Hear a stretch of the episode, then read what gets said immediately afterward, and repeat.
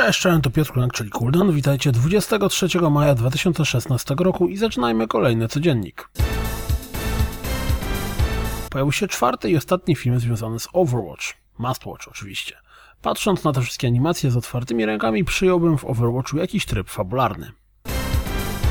Premiera Total War Warhammer zbliża się wielkimi krokami, więc pojawiły się nowe zwiastuny. Jeden przedstawiający potęgę Smoka Chaosu i drugi ogólnie podbijający nam hype na tą grę.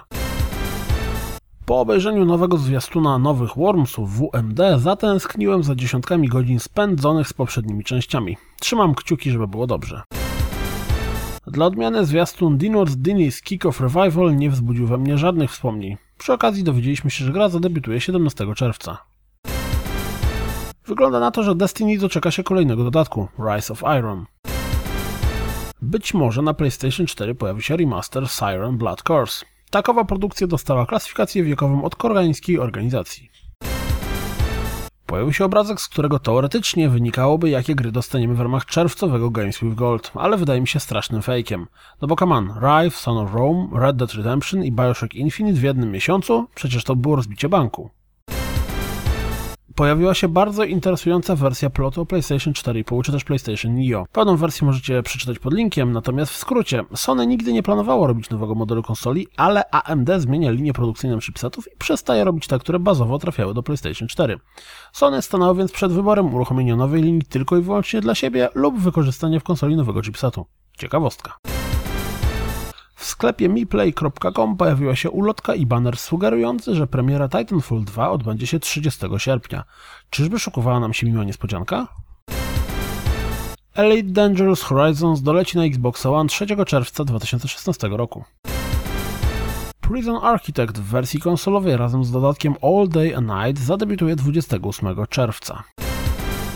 Trzeci epizod Hitmana będzie dostępny już 27 maja.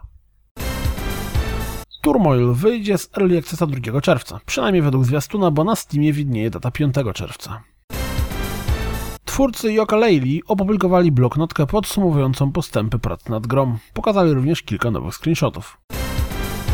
Team Ninja przedstawiło wyniki ankiety związanej z demkiem Nioh. Jeśli braliście udział, możecie porównać swoje odpowiedzi z innymi graczami. Dodatkowo dowiedzieliśmy się, że demko ściągnięto ponad 850 tysięcy razy.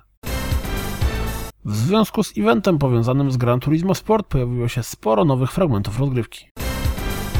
Jeśli z jakiegoś powodu, tak jak Press, czekacie na Postal Redux, to sprawdźcie 20-minutowy fragment rozgrywki. Jak dla mnie totalnie mech.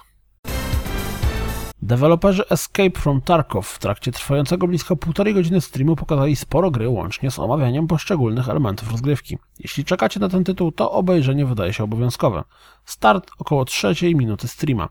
Jeśli lubicie angielski z rosyjskim akcentem, to również warto go obejrzeć. Fani Obsidianu i Pillars of Eternity z największą przyjemnością zapoznałem się z wywiadem z Fergusonem Urgukhartem na temat przyszłości firmy.